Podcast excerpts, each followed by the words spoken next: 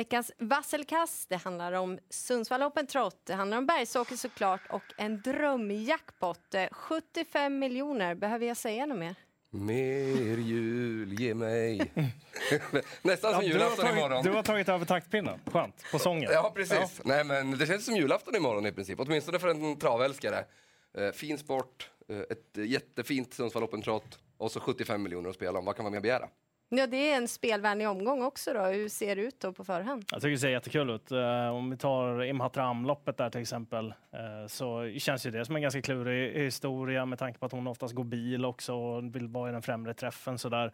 Eh, många ospelade hästar i den avdelningen där skulle kunna skrälla rejält. Spikförslagen finns väl, men jag vill fastna för en som inte är så där jättehårt betrodd också. Och då ger det alltid någon form av potential i omgången. kan man till och med svälja någon eh, favorit också. Flera jättekonstiga favoriter. Nu kör vi. Ja, nu kör vi. Vi börjar i alla fall silverdivisionen, kort distans och två Comes with Age kommer från galopp, men nu är han favorit. Då börjar jag göra så då. Han har ju jättefint läge, kan komma till ledningen, absolut skulle kunna vara hästen att slå därifrån, men inte helt att lita på galoppen senast. Ja, men jag har inte någon riktig förklaring, därför är det givet att gardera. 5 LA Bocco. Länge sedan han var ute på kortdistans nu. Det här är en riktig tuffing. Han måste med. Sen tycker jag att det finns fler som är intressanta, men de får ni prata om. Mm. Jag gör ändå sådär. Jag säger inte så här att jag kommer gå rakt ut på Comes with imorgon, men av de sju favoriterna som finns i omgången så tycker jag att det är den som har bäst uppgift. Eh, som jag ser det med den här galoppen som du pratar om, det är ingenting man gillar när man ska spika gången efter. Eh, 100% inte. Det jag funderar kring, det är så här, Comes with skulle han få typ LA Bocco eller Kagan över sig, sida vid sida, huvud vid huvud hela vägen, då tror jag att han kanske kan vika in åren. Men jag tror att Örjan sätter upp ett ganska högt tempo från start, försöker ha den här längden, typ varva på 10,5. Eh, och då är jag inte säker på att de får tag i han. Men nio Devils Tang kan jag inte ryka på för att han går bra bakifrån också och var, har varit så smällfin nu i två raka. Så att, eh, Comes with Age, den bästa favoriten i omgången, men jag kommer inte spika någon favorit, jag kommer ta med nio Devils Tang. Om det hade varit Hagmyren, kortare upplopp, hade du spikat då? Ja, det hade väl legat närmare till hands i alla fall. Han är ju mest troligt en utgång på den reducerade lappen eftersom han kommer sitta i ledningen också. Och det är viktigt också när man trycker grönt på en favorit som man gillar då. Då ska du också lägga till, sitter han i ledningen en kort bit efter start eller hur blir loppet kört? Den här kommer ju sitta i ledningen en kort bit efter start. Sen kanske han gör som han gjorde förra gången, då får man väl leva med det då. Men därav lite försäkring bakom. Devils Tang nämnde du, han har hittat sen form. Den har varit väldigt, väldigt bra. Och sen eh, Kagan, om man skulle hitta ner till sargen och få loppet, då vill inte jag ryka på honom heller. För att han är en sån där häst som man kanske ofta tror på och sen så tappar man honom lite grann och nu är han ganska lite spelad egentligen mot, jag tänker på den där starten mot Great Skills till exempel. Då trodde man ju att han skulle kunna hålla ledningen och utmana henne liksom. Det är inte riktigt det motståndet den här gången. Då går vi vidare. Klass 2 i den andra avdelningen och vi ska bedöma nummer två Decathlon. Ja, jag kan börja. Eh, jag är helt inne på spiken nummer åtta, Ringo Adore. Han har inbördes möten på dels favoriten, han har också inbördes möte på tredjehandaren i loppet. Väldigt stor talang, gick första enkavagn senast, såg jättebra ut. 10-9 sista varvet. Mot Working Class Hero som vann klass 1-finalen därefter och sen kvalat in till Svensk Travderby. Det är ingen sån med i fältet den här gången, så jag tror mycket på åtta Ringo Adore. Decathlon står bra in i loppet. Magnus tror att han kommer köra sig till ledningen varifrån Decathlon är obesegrad på fyra försök. Så att på så sätt förstår jag att han blir favorit. Men jag tror inte att han är bättre än den som Leon pratar om, 8 Ringo Ador. Det är lite sådär ett annat intryck och de möttes ju här förleden, visserligen i Decathlons comeback. Men han var väldigt, väldigt, eh, alltså det är liksom en lite skillnad på häst på något sätt. Eh, Ringo Ador är ju en, en stjärna i ganska låg klass tycker jag och att han står väldigt hårt in i klassen behöver man inte bry sig ett dugg om. Jag tycker att det är den klara första hästen, tänkbar spik, men det finns två stycken som skaver lite. Framförallt sju Funzio, för där börjar det lossna nu. Vilket intryck i avslutningen senast. Eh, första gången barfota runt om nu, det tror eh, Fredrik Wallinski är bra effekt. Och så fyra Natural Mind om det blir barfota. Eh, jag tycker att han var så otroligt fin där på Axevalla efter galoppen. Upphämtningen var bästa märke. Så att de två är väl ändå sådär som skaver lite bakom åtta Ringo Ador. Det finns ju en grej till på Ringo också som. Barfotabalansen. Det kan bli barfota runt om. Det kanske inte alltid är bra när det blir en sån ändring. Nu är inte han favoritspelad så då kanske jag inte bryr mig lika mycket om det. Men man ska fortfarande tänka på det och hålla koll på det imorgon också, väderlek och sådär. Man har ju tävlat barfota fram tidigare. Han. Nu är det bakskorna han som ryker. Ja, nej, men eh, jag gör sådär också. Två Decathlon, eh, blir amerikansk sulk igen. Han är bra, absolut, och har ju läget. Men vi är ju helt överens. Åtta Ringo Ador. Jag kan bara hålla med och följa upp i den här hyllningskören. Vi har ju följt honom såklart. Han var en stjärna sedan dag ett, sedan kvalet så såg man att det här är något extra. Sen har det blivit lite plump, men nu kommer han ju få utdelning. Nio Perkis är också en fin häst, men han är ju bäst där framme och nu har han bakspår. Därav att det kan bli problematik. Vi kan säga att Ring, eller Liljendahl funderade på att anmäla ut Ringo Ador till derbykvalen också. Mm. Men valde att stå över och tog det här istället. Precis. Ja, kapacitet, eh, det har han definitivt. Fyra Bäcklös Uriel har också enorm kapacitet. Hur hanterar han långdistans?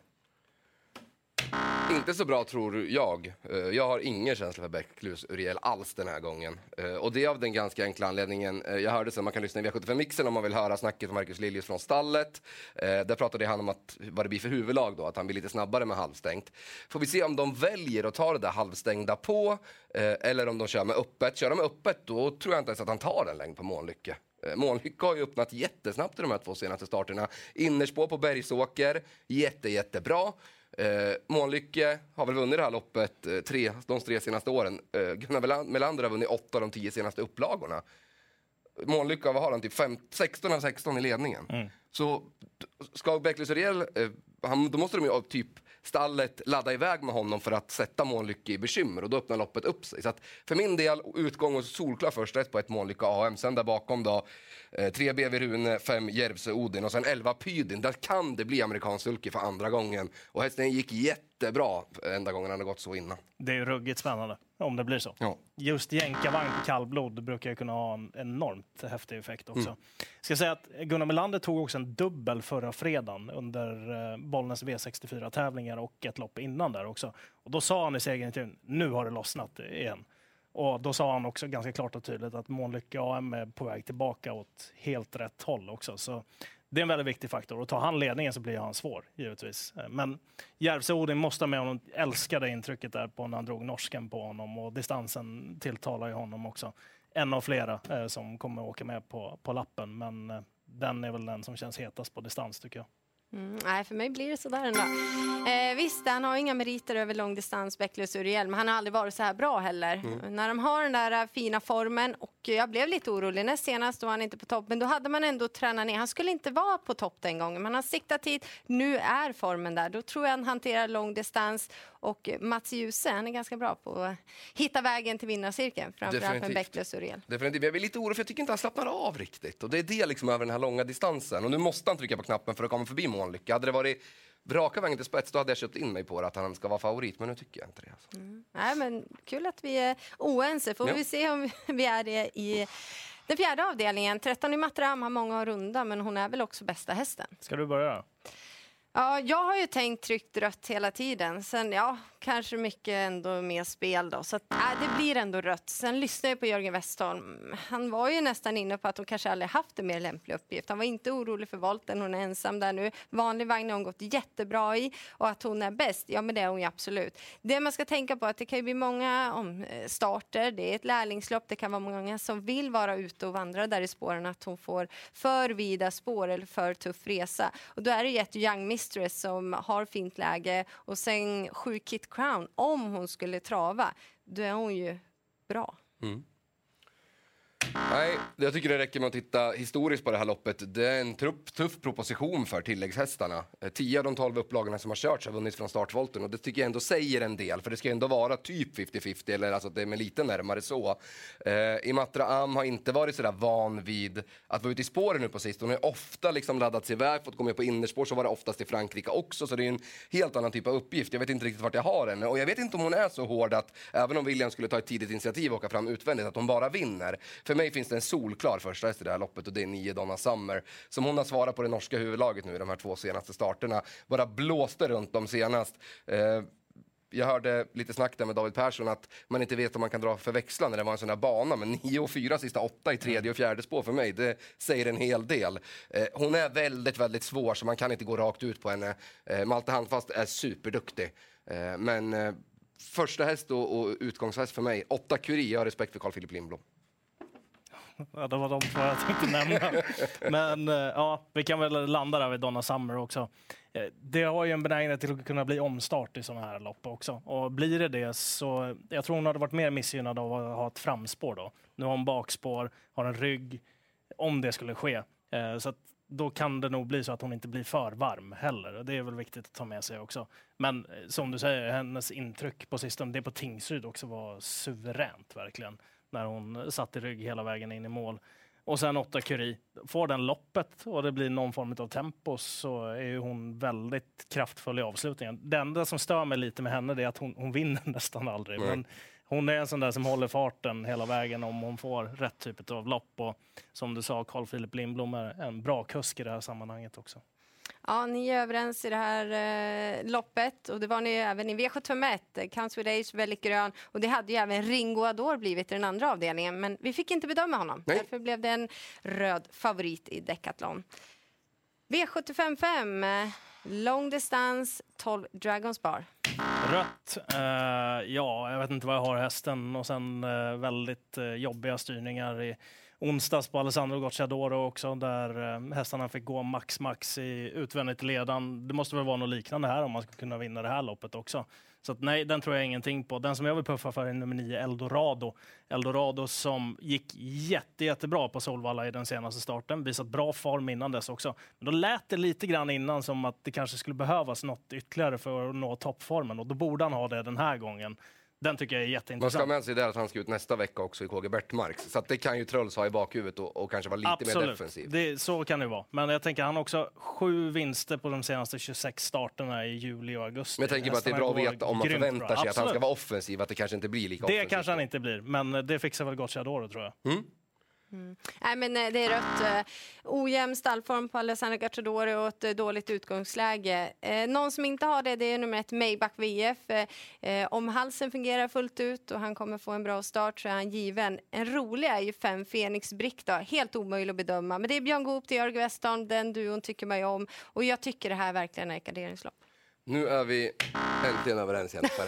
Nej då, men Dra- Dragons Bar, jag tycker det räcker med att säga dubbla galopper senast eh, och hur Gocciadoro har kört hästarna ofta. Det blir väldigt tufft så att det känns inte som en häst som ska vara favorit överhuvudtaget. Maybach VF, det är ju halsen som, som man är lite orolig för, för där. För, Men fungerar han i, i, i det här loppet? Han har sju av sju i ledningen. Jag kan inte se att någon kan ta sig förbi överhuvudtaget. Eh, fem Fenix Brick som du säger var ju dunderpåställ efter vila British Crown-helgen och vann V75-lopp då. Kanske samma nu. Jetborn nummer två går ner i klass rejält också. Skönt att vi är överens. Eh, löser Magnus Djus, han löser mycket, men löser han sport 12 med Kendall Jackson i den sjätte avdelningen? Jag är inte så inne på det, även om han är väldigt bra. Men som sagt, det är många runder det kommer gå undan. Jag tror det kan ändå hända någonting roligt. Sex because the night. Han kan mycket. Han har inte fått full utdelning, men ändå ett intressant läge. Och om han eh, löper upp till sitt kunnande, då kan de eh, få en obehaglig överraskning, konkurrenterna. Mm. Magnus är uppåt kring den här Kendall Jackson, men 12 över kortdistans och, och favorit, det känns ändå som liksom för tufft för att rekommendera att man ska gå rakt ut på det. Jag tycker det finns några spännande där framme, dels Because the Night som du är inne på, fyra Classic Pan, en häst som jag gillar otroligt mycket. Eh, var, öppna inte som bäst senast, men gången innan var faktiskt jättesnabb ut. Fick då lite tjuvsvar, jag tyckte att Jeppsson var för offensiv den gången. Älskar korta häcken, eh, sen kan man väl ta med sig två jätteskrällar, fem Tenkos Rioja och sju Melby Interest, det är form på båda kanterna. Mm. Eh, Denkos Rioja blev det ju ett litet lir på på Solvalla senast. Tyvärr räckte hon ju inte i det loppet då, men eh, kanske att hon kan studsa tillbaka här. Eh, vad gäller favoritskapet här, det känns som att det är ett för klurigt lopp för att liksom, bedöma vem som ska vara favorit. Eh, jag hittar ingen sådär som ska bara sticker ut så. Den som jag tänkte prata om var fyra Classic Pan, men jag tror att han behöver köra den ganska snällt också, inte för eh, tufft liksom. Jag tror inte att den ska gå först i tredje eller något sånt där. Mm. Lite mer på chans och, och då kan det nog räcka långt här.